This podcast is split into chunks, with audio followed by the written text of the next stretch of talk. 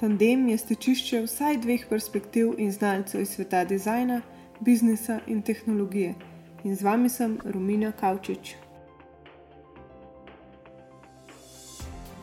Začetno epizodo sem namenila meni zelo ljubi temi - podatkom. Big data, small data, kopamo se v podatkih. Le malo ljudi pa se ukvarja z interpretacijo in pravilno implementacijo. Prevečkrat preskakujemo korake, sporedajo pa želimo doseči oblake. V današnji epizodi boste izvedeli, kako podjetje postane data-driven, kako se lotimo raziskovanja trga, katere podatke lahko uporabimo za lead generation in ali res sami največ vemo o svojih uporabnikih. Če želite paket znanja, poslušajte naprej.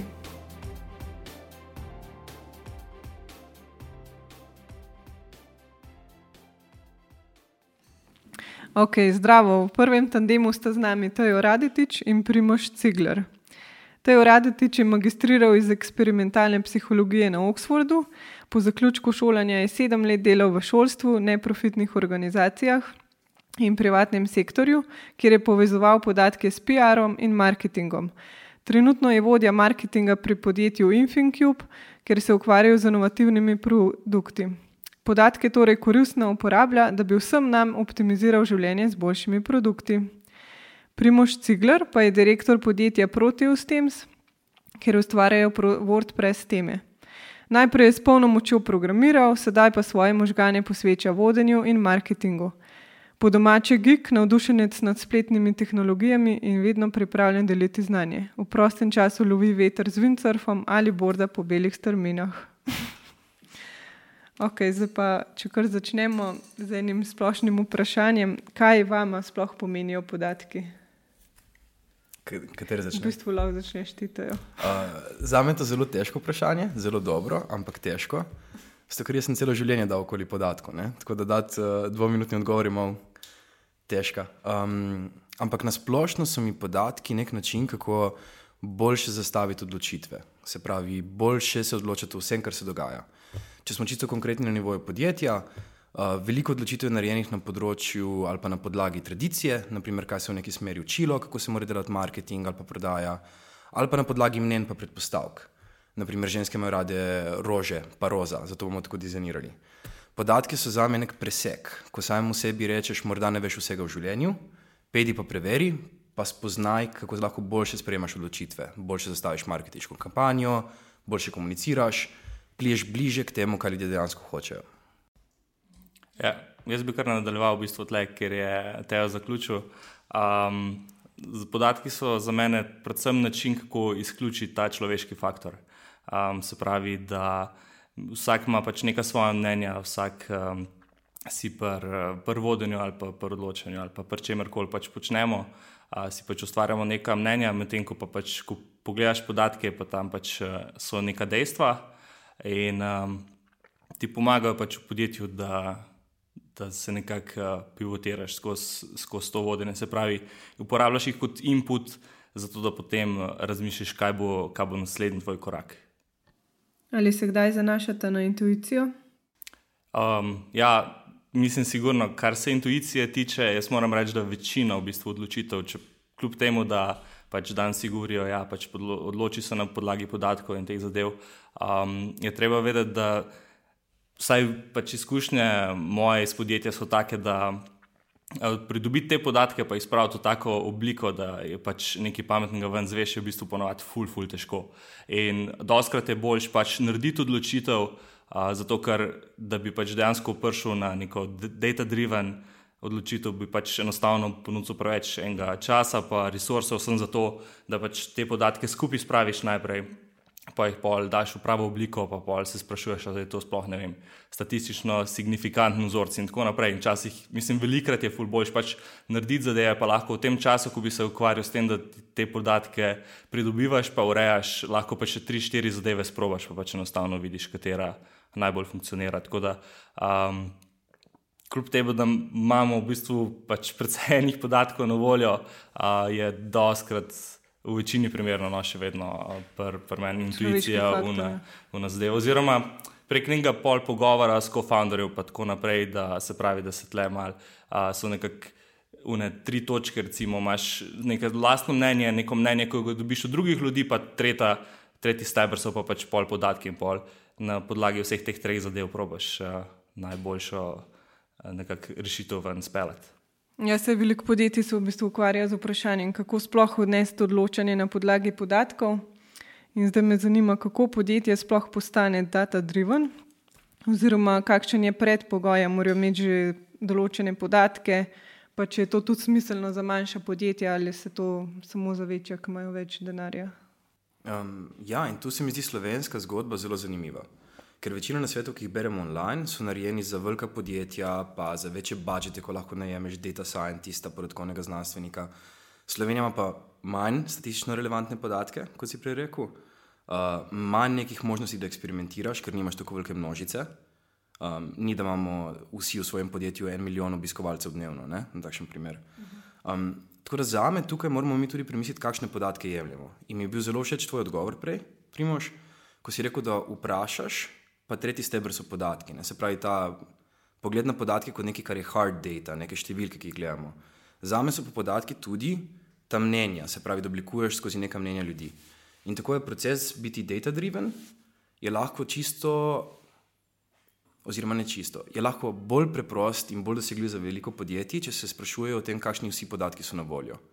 Se pravi, če pokličejo kakšno stranko, če jih nima dovolj, ima ne vem, deset strank, pa se z njo pogovorijo. Um, če naredijo kakšen research, ki je desk research. Uh, ključna točka pri data-driven podjetjih, z perspektive mene, pa to, kar se mi je zdelo s podjetji, ko sem jih spremenil v data-driven, ne pa opinion-driven, je bilo to, da so ljudje bili pripravljeni si reči: Moje mnenje ni najpomembnejše, bom šel ven iz sebe pogledati nekam drugam. To je to, da ti postrežeš po nekih drugih virih, ko probiš postaviti mnenje. Za kreativne rešitve se res ne moremo odločiti na podlagi številčnih dokazov. Kaj pa se zgodi v primeru, ko ima naš eksperiment podobne rezultate, ga ponovimo ali kaj spremenimo? Uh mhm. -huh.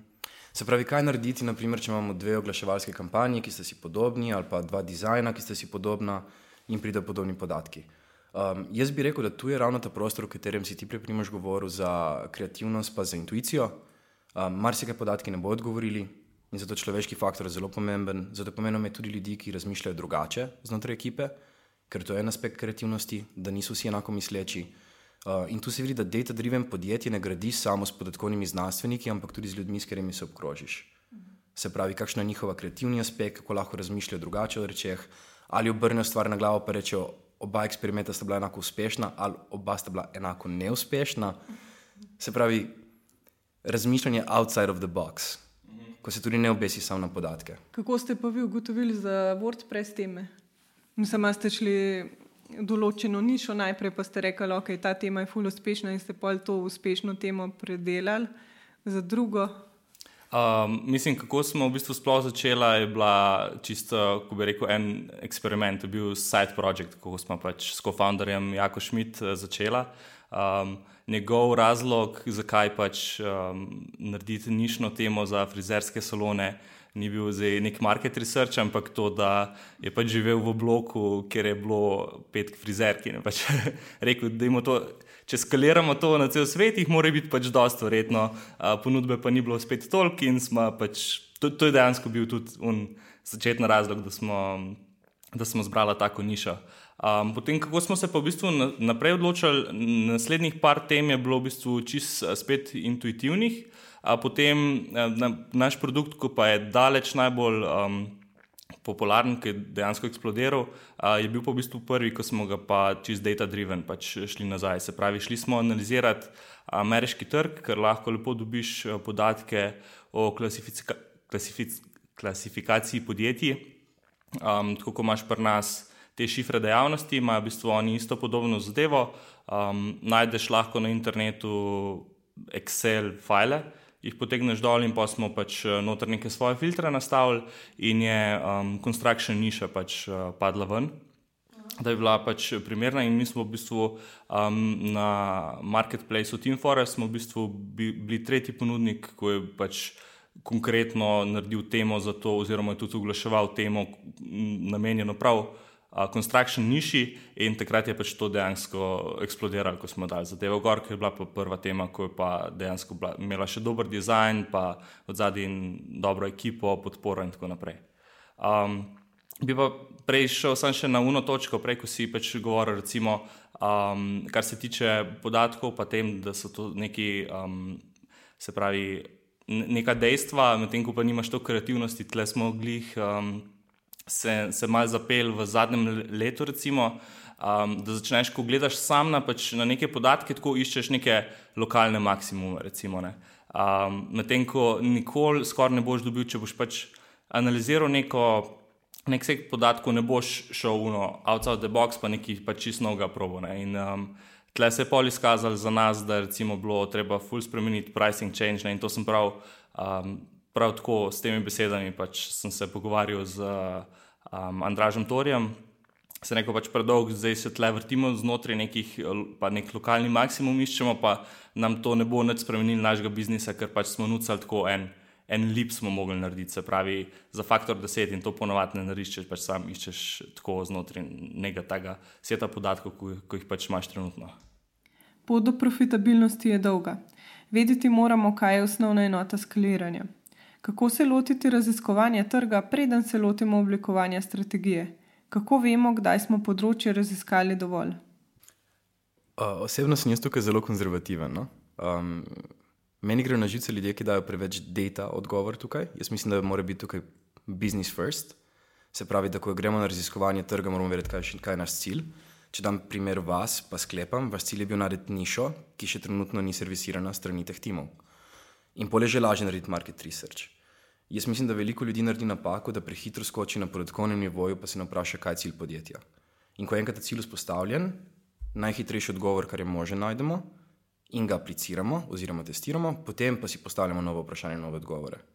Se mi zdi, da veliko ljudi prehitro optimizira za nekaj, kar še ne vejo, če deluje ali ne. Ali pa preveč široko v bistvu. Tudi.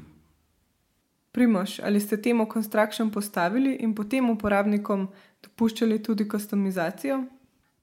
Uh, ja, ne, um, pač to, je, to ti v bistvu že sam market narekuje, pač kak, kako približno mora tvoj produkt izgledati. Se pravi, sama ta opcija, da pač si ljudje lahko zadeve spremenijo po svoje, uh, si spremenijo zadeve od, vem, od tipografije do nekih barov in tako naprej. Uh, s tem v bistvu postaneš nekonkurenčen, tako da to definitivno tema mogla imeti. Um, kako smo se pa v bistvu naprej pol za naslednje teme odločili, je pa v bistvu, da smo šli po tej analizi, ko smo jo na začetku naredili, pa je Construction najbolj pač ven padla, so bile pol pač druge na seznamu. Ne? In smo šli potem ene 4-5 tem, smo šli po tem seznamu v bistvu naslednjih delati in je bila vsaka naslednja bila v bistvu um, ni tako zelo pila vode, kot je pač ta začetna in pa smo do, na neki stopni spet prišli do unga. Um, spet smo v bistvu prišli do tega, da je nekako. Um, Te podatki niso bili več tako uporabni. Pač za, za, prideš do nekega trešolda, kjer pa spet rečeš, da okay, je nekaj druga, pač moramo narediti. Ne moramo zdaj. Um, enostavno pač izpiješ tisto, tisto vrednost iz, iz tiste analize in, in potem pač greš naprej. V bistvu, um, naslednji koraki so potem bili spet uh, bolj, bolj intuitivno pač naravnani. Um, dokler nismo v bistvu, dokler nisem jaz konec lanskega leta začel pač eh, dejansko klicati te naše stranke, se z njimi pogovarjati, um, ki pa je pol zdaj kasneje vodilo v to, da imamo danes pač persone definirane, uh, da se pač z njimi, da smo v bistvu vzpostavili ta dialog no, um, z, z našimi strankami, pa potem bolj kot na, na nekih velikih številkah delaš v bistvu na manj, manjšem vzorcu, ampak uh, predvsej več na kvaliteti, kot pa na kvantiteti. Mhm. Ampak te uh, podatke, ki si rekel prej, da ste jih dobili, ste jih to prek Innovata dobili, mislim, da je tam neke analize, a ste vi rekli to v svojih temah, kaj če so uporabne. A ste jih že prej sprašvali, preden si začel delati intervjuje s strankami? Um, zdaj ne vem točno, o čem se pogovarjam, ampak kar se tiče Sanga in Vata, je tako, da oni načeloma nočejo z avtorji širiti uh, praktično nobenih podatkov, predvsem mailov ne in teh zadev. Se pravi, tle moraš biti dosti kreativen, da te zadeve dobiš, nekaj dobiš prek suporta. Se pravi, ko um, uporabniki pridejo pač po podporo, ampak je tle problem, da se moraš zavedati, da dobiš samo en podnabor vseh userjev, ne v bistvu idealni so ti uniki, ki nikoli ne pridejo pod tvojo podporo. Se pravi, prodal si jim produkt za, za fiksno ceno, um, pa ne, ne izkoriščajo v bistvu tega tvojega dela biznisa, ker v bistvu prodaš čas, če tako gledaš. Ne? Se pravi. Več kot, več kot prodaš pač licenc, več je suporta, več nucaš pač ljudi zaposliti za, za te pozicije. Um, se pravi, v njih hočeš čim več, ki v bistvu sami dojamejo pač produkt in s tabo v bistvu ne nucajo nobene komunikacije. Po drugi strani pa, če prodajaš na marketplaceu, sigurno, mislim, vem, da je, imajo isto težave ljudje, ki prodajajo vem, danes na Amazonu ali pa ljudje, ki delajo appe pa prodajajo na, na App Store ali pa na Google Play, uh, kjer pač ti nimaš tega direktne, um, direktnega dostopa do tvoje stranke. Um, tako, Ja, ja seveda, ja. um, doskrat je to, ampak jasno, če pogledaš pač interes na marketplace, je jasno, da oni v bistvu s tem kontrolirajo to, da ti pač ne moš iti na svoje in da pač um, oni v bistvu tle ohranjajo neke vrste monopol nad, nad tem, da, um, da so pač ta povezovalni člen, brez katerega ena in druga stran ne more. Kateri podatki lahko koristno uporabimo za lead generation? Kako se sploh odločimo, katere eksperimente bomo naredili? Um, se pravi, za... gremo to malo razdeliti. No, po, mojem, po mojem obstajajo, in tega se je na kratko dotaknil, dve vrsti lida. En je potencijalni novi lid, za katerega prej še nismo vedeli in je lahko odlična stranka. Ta drugi pa je obstoječa stranka in njene pač podobne persone, ki se pojavljajo ponovno pri nas. Mislim, da za nov lid, ki še ne vemo, da obstaja, za nov tip stranke, za novo persono, Uh, iz preteklosti se je meni izkazalo, da najlažje najdem preko nezadovoljnih strank. Se pravi, ko sem jaz našel nekoga, ki je iskal podporo, ali pa je klical, ker se je pritožil nad izdelkom ali produktom. Ali bom dal konkreten primer, da ne bom toliko teoriziral. Uh, na Goptiju, ko so klicali, da nekaj jim ni štimalo, smo ugotovili, kateri aspekti produkta so bili pričakovani strani stranke, pa niso bili deliverani. In tako se je začela diverzifikacija notranjega produkta. Konkretno, naprimer, prodaja kot neke vrste zavarovanja, ki ni zavarovanje, da ko greš na pot, si varen, da ti lahko povrnejo, če zamudiš, ali pa pobiranje na domu. To so bile oboje pričakovanja nezadovoljnih strank, ki so mislili, da bi to morali dobiti, in kasneje so to postali produkti. Se pravi, to je kako generirati nove. Kako pa obstoječe, in tukaj mislim, da največ ljudi prevečkrat gleda določene podatke, ki niso koristni. Se pravi, gleda, koliko ljudi se je saj napalo na e-mail, koliko ljudi se je priključilo njihovemu newsletteru ne razmišlja pa o tem, da to je zgolj en izmed mnogih korakov, ki jih potrebuje, da oseba sploh postane stranka. Tako, ko govorimo o lead generationu, je za me najpomembnejša reč, da ljudem razšišem svoj lijak ali pa funnel, da vejo, kateri so naslednji koraki, katere so stične točke, preko katerih boš ti nekoga konvertiral iz zanima me tvoj produkt, morda samo tako uradno, v to, da oseba dejansko kupi storitev ali pa produkt. In tu je treba pogledati točno vse korake lijaka in kako konvertirajo ne pa samo koliko ljudi se sign upa na e-mail, kar je prva točka lijaka. Tako da mislim, da je tu ključni podatkovni manjko večinih uh, podjetij, s katerimi sem delal na tem področju. Primož, kako vi pritegnete potencijalne kupce? Verjetno so razlike med ljudmi, ki poznajo WordPress in Envato. Uh mhm. -huh. Ja, um, ok, se pravi, kot prvo, mi imamo zdaj svojo trgovino odprto uh, okoli 10 mesecev, se pravi, niti še eno leto ni tega, odkar smo šli na svoje. Prvo temo smo pa prodali februarja 2013, se pravi, bo naslednje leto bo pet let od tega. Um, in smo v bistvu še čist zelo, zelo na začetku, kot zelo ugotavljam, kar se tega tiče samega učenja, kako eh, se v bistvu uh, pozicionirati na trgu kot individualen shop, kako um, priti do pač novih strank in tako naprej. Uh, v veliki večini primerov smo izkoriščali, pa še vedno izkoriščamo um, marketplace, zato ker uh, to, je, to, je pač, uh, un, to so ti glavni portali, kamor v bistvu ljudje avtomatsko grejo, pač, ko, ko imajo potrebo po tem, da iščejo novo temo, grejo na Team Forest. Ne. In to ni spet ni eno tam samšno, to sem recimo zvedel iz intervjuja.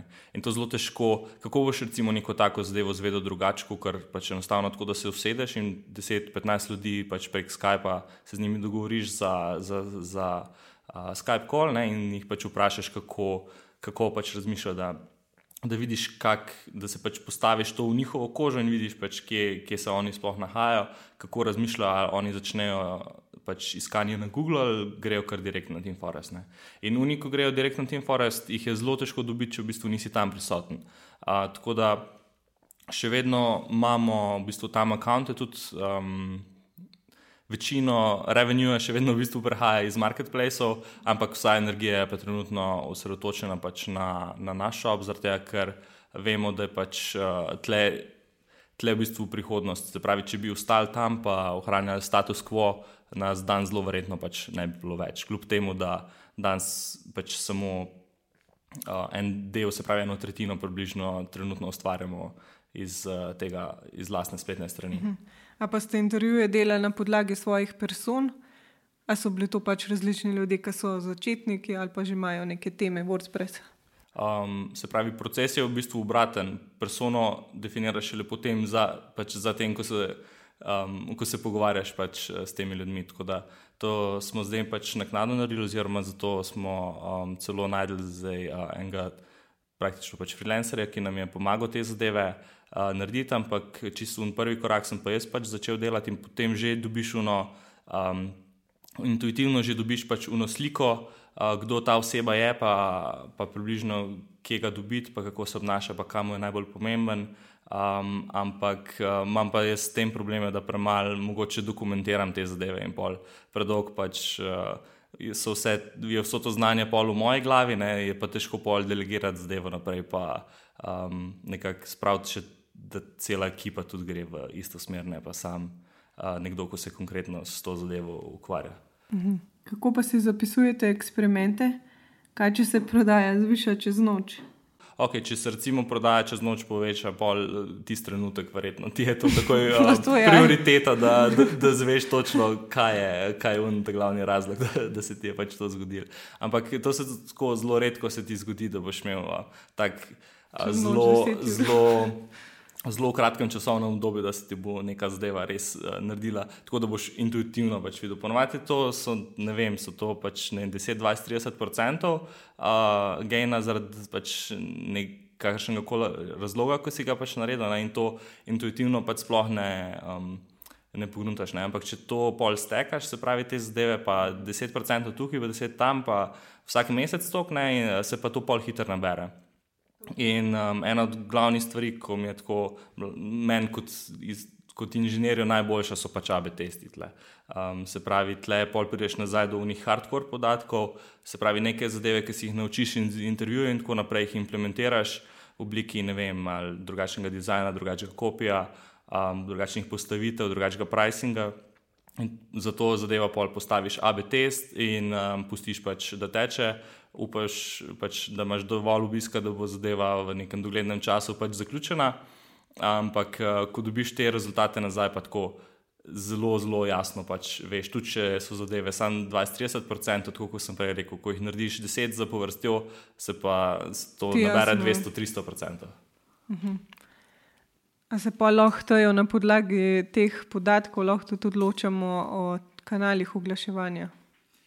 Ja, jaz mislim, preko sem govoril o Lijaku ne, za Lead Generation. Jaz mislim, da Lijak je na splošno eno od najpomembnejših podatkovnih orodij vsakega podjetja, da ve, kako grejo pa Lijak ali pa ne vem, Customer Journey ali pa karkoli temu rečemo, vedno ista zgodba tukaj v zadju. Da mi vemo, kaj počnejo naše stranke in zakaj prijedo do nas. Ne.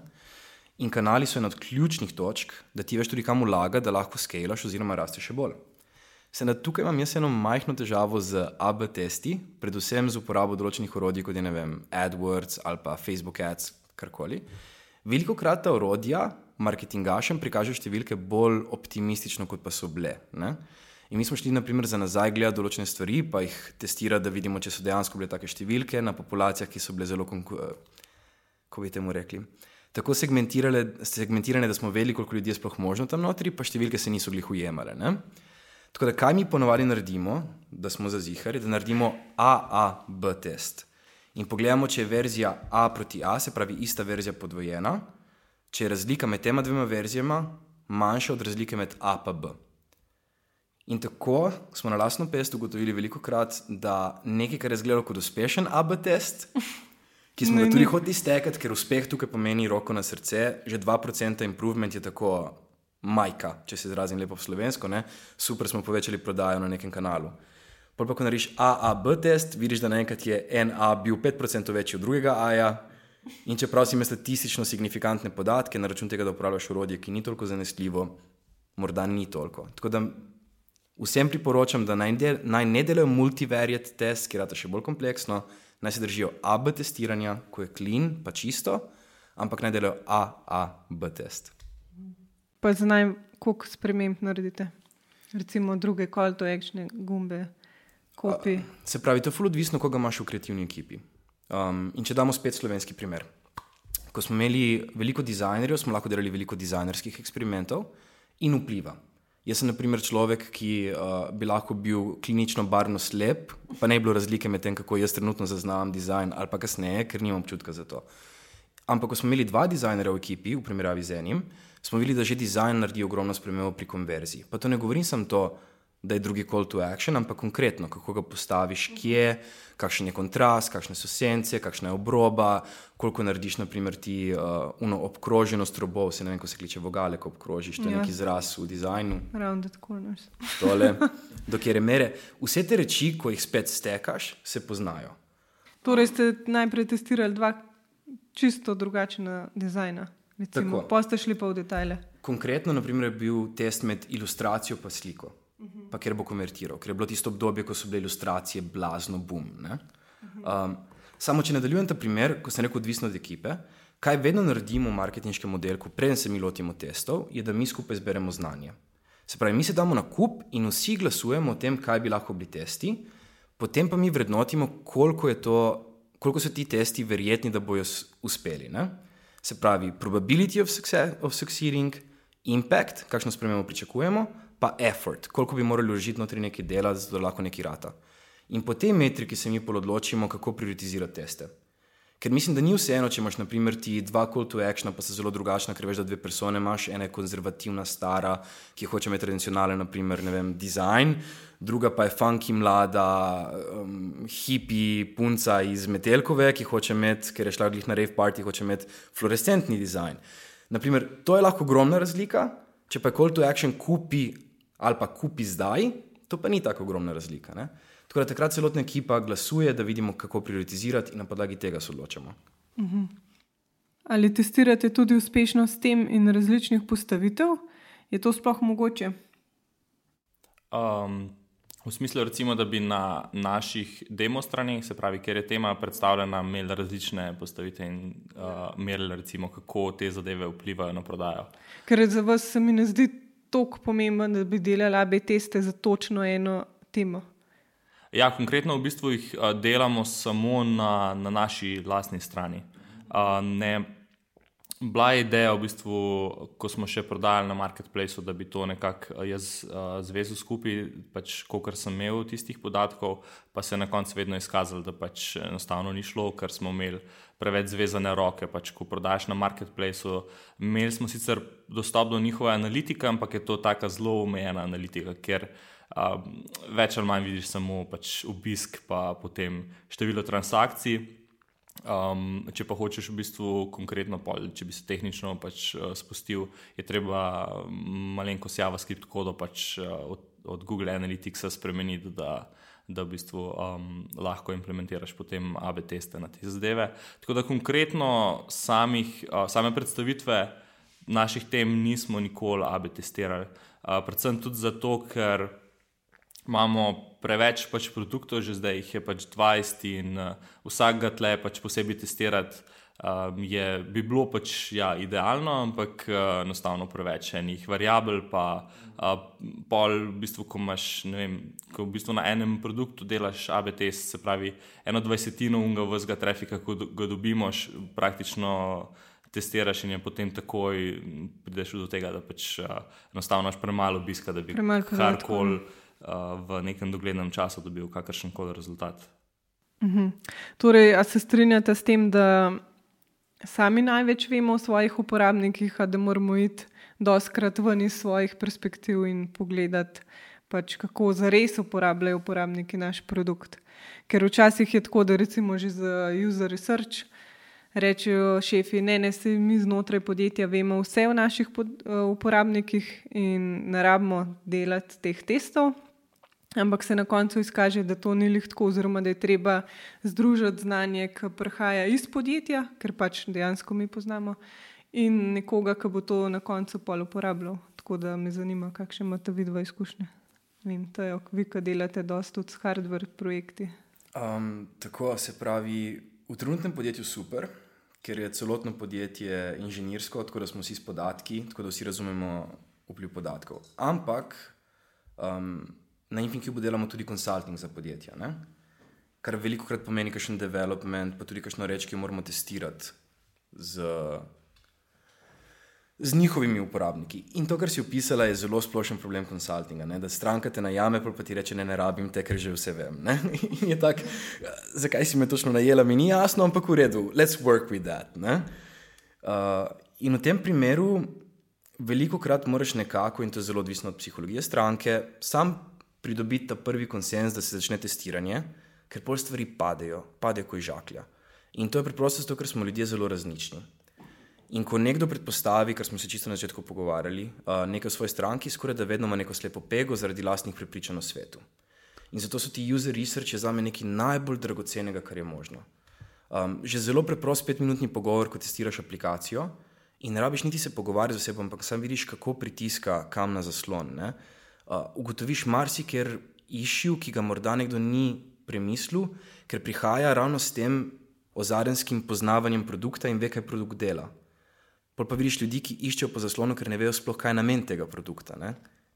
Mm. Ja, v bistvu že preprosto to coffee shop testiranje. Ja. Razblin marsikaj. Ja. In mislim, da tako, ko začneš testirati stvari, so low hanging fruits. Večina podjetij ne testira, ne raziskuje in imaš ogromno low hanging fruta. Tako da na začetku je delo konsultanta zelo lahko, ker je veliko stvari še za pobrati. Problem postane, in to si ti čisto na kratko se dotaknem na začetku, uh, kaj narediti, ko že imaš podatke in poznaš svoj produkt in si že naredil persone in user research, ker optimizacijo nekega podatkovnega modela ali pa data-driven procesa moraš vedno pretehtati s časovno komponento in koliko pač prinese zraven. In nekatere stvari se splača optimizirati, drugih se jih ne splača optimizirati. In to je the hard call.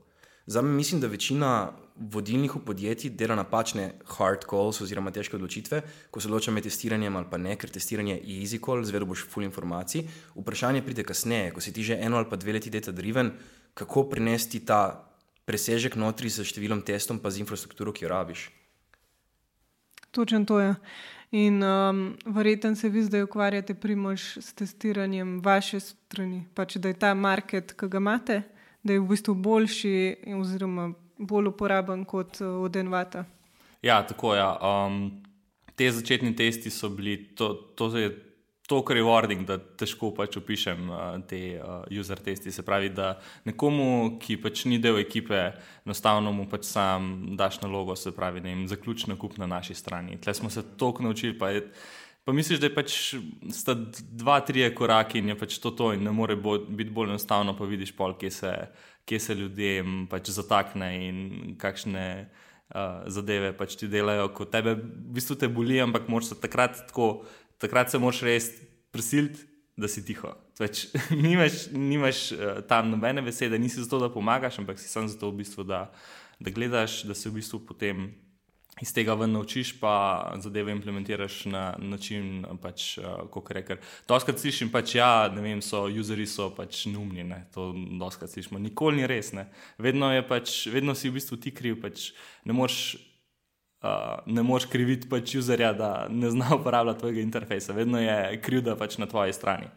Um, Tako da, ja, trenutno v bistvu imamo zdaj že nekaj časa, kar smo na zadnje, prav konkretno, user teste delali. Uh, sem se pa glih spomnil, recimo, sem zadnjič skočil na eno tako priložnost, ker me je ena kolegica, um, ki je v bistvu prvič prestala gor na naši strani, pa je zanimala, da bi pač eno temo kupila. Um, je potem mi tako malo frustrirajoče pol napisala, da ja, ne vem, tle ne najdem te dokumentacije in te zadeve. In smo tako išli na, sem tako rekel, če lahko na en Skype call grema, um, pa mi je kar pošarala skrin, jaz sem pač snemal in je pol rekla, ja, le to sem to, ne vem, se mi upravičevala, nisem si ful prebrala teh zadev, ampak sem šla in jaz, meni je bilo to vrhunsko, pač kolik, kako je nekdo, v bistvu, ki, je, ki je kupil produkt, pa takoj zatem, ker nobenemu res se ne da pač dokumentacije brati, pa je tako po unih korakih, kot si, si jih ti zamislil, da bo nekdo šel. Ne. Uh, vedno v bistvu sam scrollamo, pa letimo čez zadeve. Ne? In da se iz, iz tle naučiš, v bistvu, kje dele strani pač sploh gleda. Ne? Da ne vem, uno, na, ta prvi logičen step si dal na vrh strani, ampak on v bistvu ga preskoči, pa scrolla do konca. Se pravi, ga moš tam v bistvu ponoviti. Um, Tist tam je v bistvu šele prva točka, kjer se bo on ustavil, pa prebral en stavek. Recimo, um, tako da vedno je po mojem dobro, no, da si. Um, ne glede na to, če si v podjetju točno v, tej, um, v, v tem trenutku, če se ukvarjaš s tem problemom, pač, da delaš neke teste, ali pa če nisi, ne, um, da, da vedno pač take priložnosti probaš ujeti, ko se ti pač uh, prikažejo. Ker včasih misliš, da boš pač ne vem, testiral in checkout flow, pa je tisto čisto vredo, pa imajo userji čisto neke druge pol probleme, se pravi vem, na onboardingu ali pa, uh, pač pri retenčnu, da jih obdržiš kasneje in tako naprej. Mm. Kako definiramo stične točke? Kako najdemo vzrok, če naprimer ugotovimo, da ima vsak naslednji korak v košarici procentualno manj obiskovalcev? Naprimer, v košarico jih 50% doda produkt, podatke pa upiše le 40%. Kako se lotimo tega? Jaz bi rekel, in to je izhajalo iz enega ogromnega fejla, enega projekta, na katerem sem jaz delal, da prva stvar, ki moraš narediti, je res popisati vse stične točke. Mi smo se enkrat lotili funnel optimizaciona, nismo pa popisali vseh stičnih točk. In pol, ne glede na to, koliko smo optimizirali tisti korak, ker nismo vedeli, da so še drugi koraki, ker smo se slabo pogovorili z naročnikom takrat, uh, so ljudje padli na drugih točkah, ki sploh niso bile del našega funnela, ker je bil multifunnel. Tako da začnimo pri začetku na osnovi. Se pravi, prvo me res vse stične točke stranko in to mislim dobesedno od prvega stika. Se pravi, ali je to bil oglas, ali je to bil organski blok, ali je to bil e-mail, ki jih imaš na newsletteru, ali pa še predtem, naprimer, če imaš dovolj močno analitiko, da veš, kako šel skozi see-think, pa do fazo tvojega lastne kampanje, karkoli. Druga točka, si rekla, problem je košarca, pa priznajmo, da je res košarca. Tako.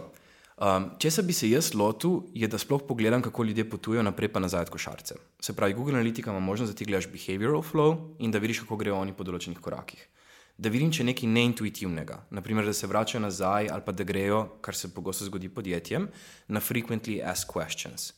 Ker pol ti pokaže, da morda nekaj v nakupni poti njim ni jasno. To je, če nimaš možnost govoriti s strankami. Če imaš možnost govoriti s strankami, prva stvar, ki jo vedno narediš, je, dvigneš telefon in rečeš: Živijo mojca, tukaj te jo, iz podjetja, podjetja.com, zmišljujem si. Res mi je žal, da te motim in zelo bom kratek, ampak idealna stranka si in mi smo se malo zakačili in bi rabili tvoje mnenje, da nam pomagaš to razrešiti. Videli smo, da si naredila ABC, a te lahko vprašamo, kako in tudi, da kaj dalje. Tako da intervju. Ko so te stvari popisane, ali pa ko narediš user experience, pol gradiš dalje. Teoretično ne bom več kompliciral, ker mislim, da sem že tako zakompliciral. Ampak prva točka, popiši vse korake v nulo. Ampak kako pa vemo, da je mojca idealna stranka? Ne, to je imate opazi. Ja, to je ena stvar pri raziskavah, ki mislim, da ljudje podcenjujejo. Se pravi, ja, ljudje smo po naravi tako vsaj približno pripravljeni pomagati nekomu, ki te vpraša za pomoč. Uh -huh. Ampak raziskave je treba dojemati kot neko izmenjavo vrednosti tukaj. Osebi si vzamejo čas, si vzamejo voljo, da govorijo o nečem, kar ni njim top of the day. Mi smo veliko krat v teh naših podjetjih, pa v tem, kar počnemo, toliko zakopani notri, ker je to naša identiteta, da pozabimo, da verjetno mojci je bil nakup WordPress teme ali pa Gojzerjev ali pa Gopti prevoza ali pa um, žardina, zelene stene, ki jo mi proizvajamo, tako drugotna misel. Um, in če si ta oseba vzame toliko časa iz svojega življenja, moramo mi nekaj ponuditi nazaj. In mislim, da najmanj, kar lahko ponudimo nazaj, je, da ji razložimo, koliko ta oseba nam pomaga, da postanemo boljši in da pač cenimo njo in njen uvid. Ker je res. Veliko krat pa raziskovalci pozabijo, pa se tako, dober dan, tukaj Teo iz podjetja Infincube in sem vas klical, ker imam štiri anketne vprašanja, ker mi je šef rekel, da vas moram vprašati. Ja, ali pa še bolj boring. Tako. O, kličem vas, ker v bistvu pol s temi tako um, ne dosežejo. No, se zato me zanima pol tudi, v bistvu, kako recimo prej smo se dotaknili, da nas doskrat pokličejo in naročniki nekaj želijo od nas, ker pač jim zmanjka idej znotraj ekipe. In potem najamejo nas, in v bistvu mi imamo neke določene izsledke, kako pol njim predstavimo te podatke. Če v bistvu njim ni jasno, oziroma predstavljamo različnim, recimo direktorju, um, prodajalcem oziroma vodjem prodaje. Mhm. Tu bo spet izhajala, izhajal na svet, ki ga bom dal iz lastnega fela in ogromnega poloma. Um, jaz sem imel zelo veliko srečo, da sem študiral na zelo dobri univerzi, da so me šolali zelo klasičnega raziskovalca, da sem pol tudi delal v neki akademiji in sem bil navaden tega akademskega procesa, ko narediš članek, v katerem je abstrakt, uvod, metodologija, podatki, zaključek. In sem bil presrečen, ko sem jih lahko pisal, ker sem si rekel, gledaj, kako je fina industrija, vsi bomo delali raziskave, pa brali članke. Ne? Dokler nisem imel prvih board meetingov z investitorji raznih podjetij, pa so bili tako, Kje? Kaj si nam Kaj ti ni jasno? Tako. Um, in je trajalo, da, mislim, trajalo. Um, sem imel stvari na tako osebno razočaranje, ko sem videl, da ljudje niso uporabljali raziskave. Uh, kot, kot nekdo, ki se res trudi, da drži nek standard, pa da razišče, sem si res prizadeval, da bo tista reč narejena kvalitetno, pol pa so oni tako dvakrat pogledali, kot si ti prej rekel, preskrolali skozi fizični papir in dali to nekomu predal. Tako da glavna lekcija, ki sem si tukaj zapomnil, je, um, tisto, kar sem prej rekel, business first, oziroma the person you're talking with first. Vedno me v glavi, kdo je oseba pred tabo. Um, CEO ali pa direktor ali pa chief marketing officer, slash direktor marketinga, oni imajo neke cilje, busy ljudje so, nimajo časa s tabo diskutirati o tem, ali je p-value slaba, statistični kriterij o tem, kam se premika današnji svet, ali bi morali bajezijansko delati reči. Dolim visi. Tako da vedno moraš narediti actionable insights, se pravi, da jim poveš, kaj lahko oni konkretno na svojem področju s tem podatkom naredijo. Kar pomeni, če gremo še en korak nazaj, vedno moraš dati njihov cilj tukaj. Se pravi, cilj nekoga, ki dela v marketingu, je povečati prodajo ali pa obisk. Tako da moraš iti iz teh metrik in jim to govoriti. Če imaš nekoga, ki je računovodstvo, je njihov glavni podatek return of investment. Če imaš direktorja, odvisno kakšne vrste direktorja imaš, ampak imaš prav med temi dvemi nekje. Se pravi, nekdo, ki je finance driven, nekdo, ki ga zanima vem, revenue ali pa return on investment, ali pa growth, se pravi, koliko raste, naprimer, baza. Tako da iz tega štartaš, povežeš raziskavo, poveš, kaj to naredi za njihovo to metriko. In takrat te poslušajo. V bistvu čista bistva. Ja. Samo izluščeno. Ampak z njihove perspektive. Ne? Ja, točno to. Primoš, vi pa verjetno uporabljate določene tule za trekanje ali imate svojo, pač kakšno urodje za analitiko? Um, ne, prav svojega v bistvu nimamo. No. Smo pa, kar se pač tiče samih uh, userjev. Um, Google Analytics recimo, je pač zadeva, ki jo naj, pač največ gledamo.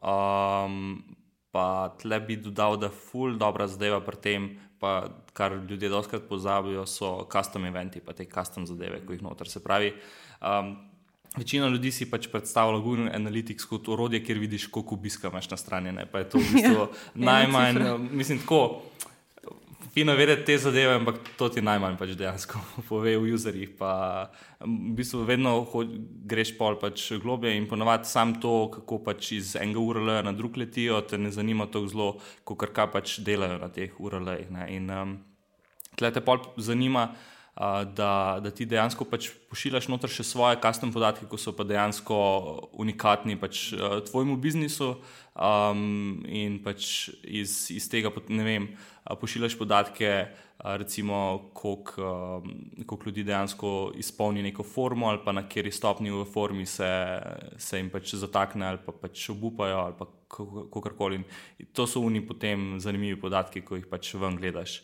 Um, Imamo pa tudi um, v bistvu pač razvit zdaj sistem, kako pač trekamo same te uh, downloade pač naših produktov, um, pa potem aktivacije, pa deaktivacije tega. Sicer tle smo pač bolj na začetku, ampak um, bomo pa lahko kasneje pač zelo uporabne zadeve iz tega ven delali, v smislu tega, da uh, ko se, ko ne vem, user izklopi v bistvu našo temo, pa začne neko drugo uporabljati, da v bistvu takrat rečeš, um, ok, kul, cool, ga bom pa zdaj pač uh, stopil z njim v kontakt, pa se bom pač naučil, zakaj je pač to naredil, katera stvar ni funkcionirala.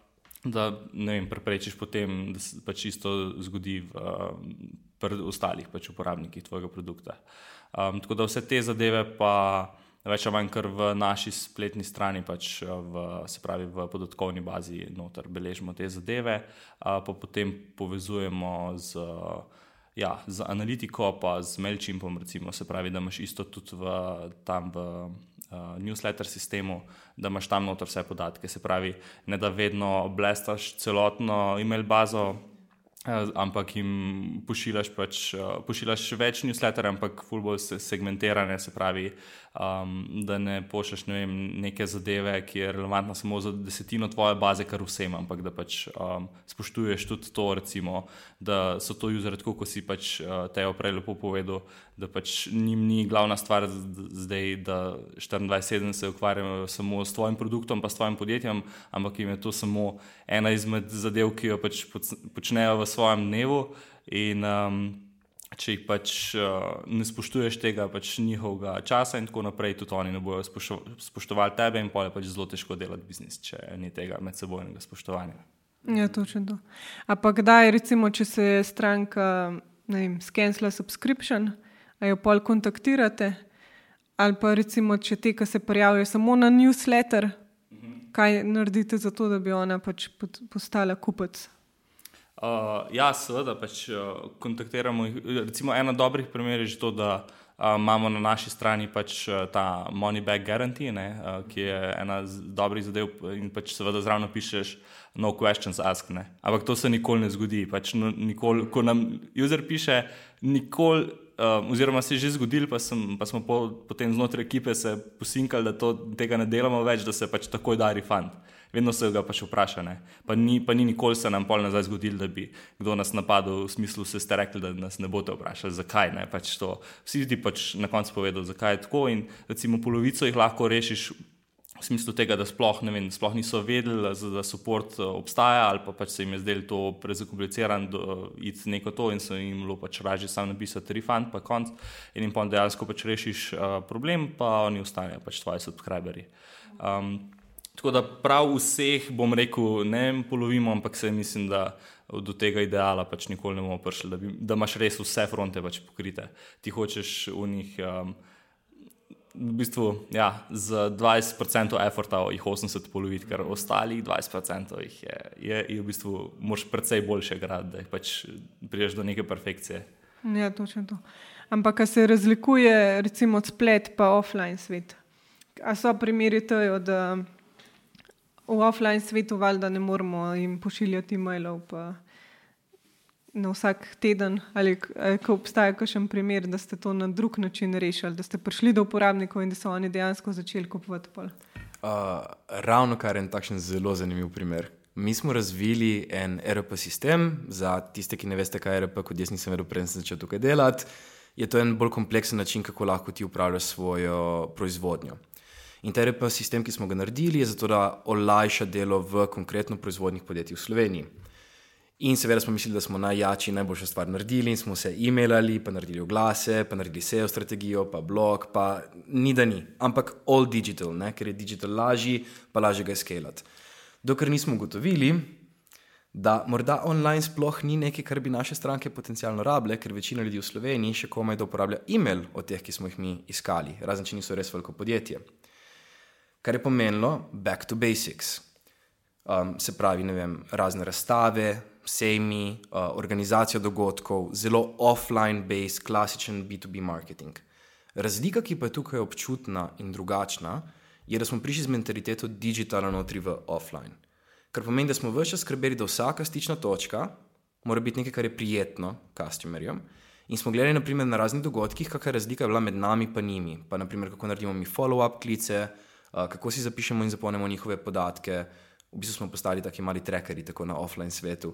Um, tako da bi rekel, da po principu v tem, kar si prej zelo lepo opisal, kako moraš biti do stranke, ni razlike. Po izbiri orodij je ogromna razlika in moraš tudi vedeti, kaj s tem, kaj s tem pomeni. Ne? E-mail poslati, pošli kadarkoli. Klicati nekoga za, za poslovni sestanek, vedi, ob katerih urah se splača klicati, pa ob katerih ne. Um, se pravi, prilagodi se malo orodju. Mislim pa, da to, kar je digital prinesel v smislu customer journey, pa customer experience, to, da moramo nekoga zelo osrečiti, ko pride na našo stran, pa mu ponuditi neko vrednost, to je zlata vredno v obeh svetovih. Ja, se strinjam. Kako dokumentirate proces svojega dela? Kako detaljno morajo biti spisani dokumenti, da se nekdo za nami lahko orientira in nadaljuje naše delo? Recimo, primoš lahko začne. ja, jaz to res katastrofalno delam, kot sem že prej pač povedal. Ampak um, pač se zavedam te moje hibe, tako da tudi zdaj delam pač na tem, no, da, da bom te zadeve pač popravil. Oziroma, kot sem že prej um, povedal, smo tudi pač uh, freelancere najeli, ki nam je pol te zadeve pač spravil tako v obliki persone, da nam zdaj pač na v pisarni na steni dejansko plakati gor visijo. Ne, in potem, ko se spravim pač napisati nek uh, newsletter, gledam tisto osebo pač tam gor. Ne, in, je, in je veliko lažje. In bolj si rečeš, pišem pač temu človeku. Uh, in zadeva, ko pride ven, ni uno neka korporate zadeva, kao, ja, mi smo zdaj to razvili, pa lahko to proti, ampak tako, tako, kot bi pač kolegu napisal. In to je že ena taka stvar, ko ti uh, zelo pač uh, lahko pomaga. No. Um, tako da, ja, um, dokumentacijo, no, kako pri nas pač čisto imamo te zadeve, večinoma v, enostavno v Drive, v obliki Google Docsov, pač razne zadeve v smislu. Um, Naprej pripravljene neke standardne ne vem, odgovore za te zadeve, čeprav to mogoče niti ni tako zelo um, ta stvar, kar se tiče marketinga v teh zadev. Um, v obliki pač trelo bordov, večino dokumentiramo pač zadeve vem, v marketingu, ki so pile vodo, ki niso AB testi, ki jih pač pripravljamo, ki tečejo in tako naprej. Um, pa in kup enih idej, ki se pol sam nalagajo, pa samo enih par jih pač lahko na koncu uspeš zrealizirati. Um, nekih, da bi pa zdaj. Um, bil tle pameten, pa bi neke good practice dajal, pa, pa še nisem to, pa čez kako leto mogoče. No, kul se bomo slišali. Bo pa tejo, verjetno, sigurno. Spet iz failom, ja. Uh, jaz sem tvoj, uh, tvoj opozit, totalno. Jaz si preveč zapisujem in preveč pišem. Uh, toliko o tem, da to je dejansko bilo pro, uh, kontraproduktivno. Ko smo imeli določeno deljenje znanja, ker je šlo v take podrobnosti, po take tehnikalije, za večino ljudi ni bilo uporabno, ker sem spet bil preveč intuita, veš, vsak datum, vse številke, vse notri. In moraš najti pravo srednjo mero med tem, da imaš neke podatke, ki so dostopni vsem, pa v jeziku vseh, pa med tem, da zapisuješ vse eksperimente. Tako da na koncu, ker smo delali s Simonom Belakom, verjetno pač veliko ljudi poznate, no? um, smo mi dva imela en log naših data zapiskov, pa en log oziroma eni podatki so bili pa narejeni tako za širšo javnost, da so bili napisani na bolj splošen jezik. Ker moram pa reči, da veliko krat se je izkazalo zelo koristno, predvsem zato, ker smo paralelno veliko testov imeli, da imaš zapisane zelo detaljne podrobnosti tega, kar si naredil, da lahko ponoviš pol eksperiment, pa vidiš, kje je razlika, pa kaj se je morda zalomilo. In je to res tudi zlata vredno, ker ti prišpara čas, da še enkrat ne furaš istega eksperimenta dva tedna, da ugotoviš, če res deluje ali pa ne deluje. Ja, kar se verjetno se doskrat vračaš nazaj. Mm -hmm. Predvsem zaradi sezonskosti, če lahko še to dodam. Um, Odvisno od industrije, pa kje delaš, ampak veliko pojavov se dogaja zgolj zaradi sezonskosti.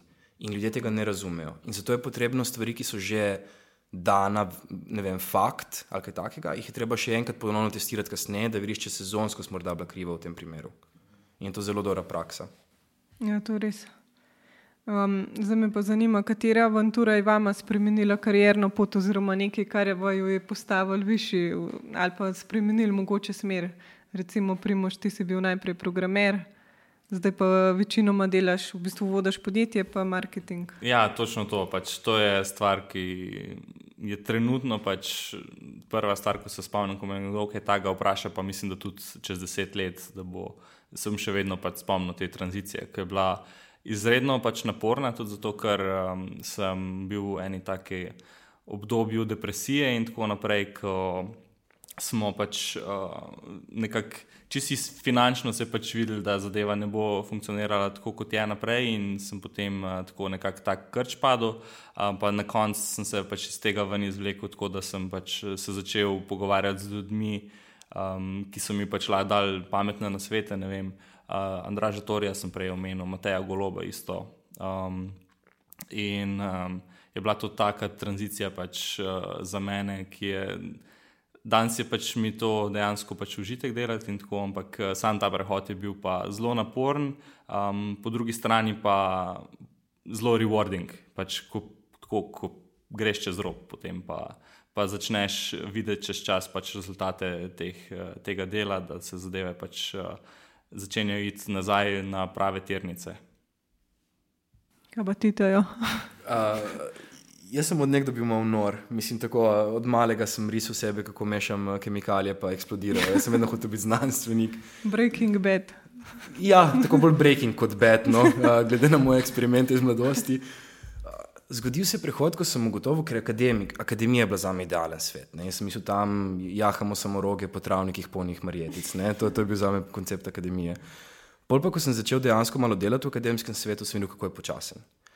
In industrija ima to prednost, da je veliko hitrejša, in industrija, zato ker jo vodijo drugi dejavniki, veliko krat so to preživetveni dejavniki, finančni dejavniki, nima časa se ukvarjati z določenimi vejcami, če so postavljene pred ali po določeni besedi, in se lahko sredotočiš na bolj zanimive projekte. Kar ni vse idealno in mi zelo odzvanja tvoja osebna zgodba, to so bili porodni krči veliko krat se učiš novih terminologij, novih načinov razmišljanja. Um, ne glede na to, kaj se boš ti šolal, je resnični svet zelo drugačen od šole in akademskega sveta. Jaz sem se moral vseh teh konceptov marketinga učiti in jih sprobati na svoji koži, ko sem zafuril kakšno kampanjo in pol trpeti tudi posledice pogovorov o tem, kako je šla ta kampanja na robe. Tako da ni prijetno, je pa pot, ko pogledaš nazaj, veliko boljša, ker vidiš, koliko si zrastel. In če imaš to v glavi, da greš notri zaradi osebne rasti, je veliko lažje to narediti. Torej, kaj bi rekla, da je čudežna formula za uspeh? Čudežna formula, veliko dela, vloženega. Doskrat tudi pač um, ustrajati, dosti časa.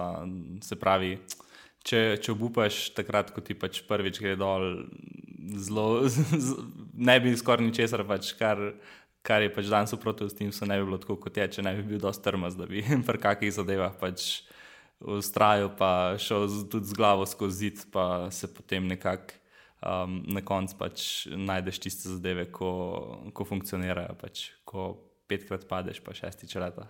Ali pa 50krat, pa 51 leta. Ja, se je v bistvu življenje izpadlo po sponu. Um, težko rečem, ker še nisem uspešen, ampak vem, kdaj sem bil neuspešen, tako da spet iz failov.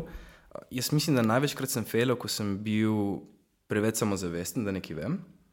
Tako da stay humble, tega se je treba držati kot pravilo. Takrat največkrat tudi priznam, da imam prav, pa ne preverim vseh predpostavk in podobno. In druga reč, ki se zgodi tudi, če nisi humble, je, da se naučiš. Tako da to mi je, ne vem, kje sem to videl, verjetno v neki seriji, ker preveč serij gledam. Stay hungry for knowledge, ta je meni ostala vedno se probi čim več učiti, pa čim več se izpostaviti, ker tam boš dobil največ idej, pa te bo najbolj preobrazilo tudi na ta način.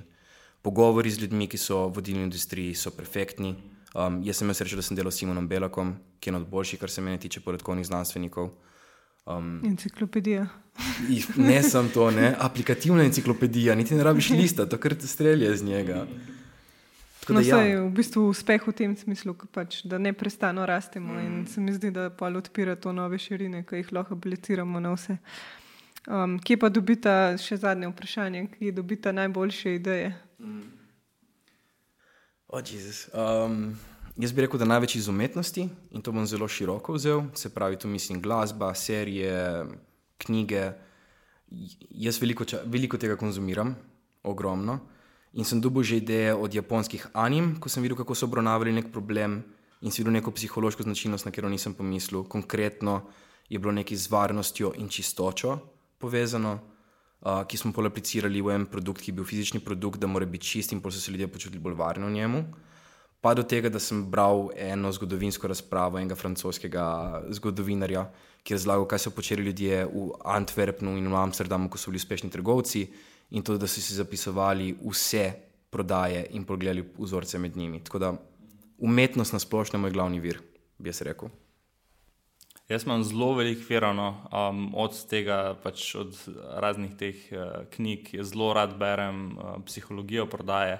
Že ne vem, 5-6 let nazaj sem prebral prvo knjigo na to temo, ko pač sem še čisto čist v samem programerskih vodah, pa me je pač ta zadeva zanimala. Um, ampak kjer se v bistvu večino idej rodi v naši firmi, uh, se mi zdi, da je zato, ker je pač tako neko dosti sproščeno okolje, okolje, kjer res um, si želim, da bi pač, da, da spodbujam to, da uh, nekako ni v njih um, ni neke avtoritete, da, ni, da lahko pač vsak res predlaga karkoli. Um, ne vem, ena od boljših stvari, ko imamo danes v firmi, je pač nastala iz tega, ker sem pač um, dal možnost sodelavcem, pač, da en dan na 14 dni pač delajo na neki čist svoji zadevi, pač karkoli jih veseli, samo to, da pač um, ne povejo, na čem delajo, pač vsega to pač predstavijo. In je pač na koncu prišla neka rešitev, ki jo, ki je danes um, en od glavnih featurejev, zakaj pač uh, userji uporabljajo naš produkt. Um, Tako da največ to je, ja. pa recimo, da ne vem, parkrat na leto gremo, ne vem, se zapeljemo do morja, pa tam delamo za par dni. In to so ponovadi uni dnevi, ko se um, tako. Če bi gledal samo kodo, se ne splača pač to narediti. Uni uh, pogo pogovori, pa zvečer, ko gremo jesti, pa ko gremo vem, plavati, pa hoditi ali pa karkoli, pa se še vsem pač nekako pogovarjamo tako bolj iz stališča, da se hecamo nekaj zdaj, ampak pa pa dejansko pridemo do pisma, to pa ni hec, to bi pa dejansko lahko funkcioniralo. Um, en dober, večino v njih zadev pač uh, jih pol pozapimo, ampak v neku so pa glavne, pa ko se mi zdi, da pač uh, jih, če je to dobro, je pač ne pozabiš in pol ne um, ideje včasih implementiramo, pa se pol izkaže, da so res vrhunske. Super. Hvala vam za ta pogovor in za vajno širino. Ej, hvala tebi. ja, hvala za obilo, je bilo užitek.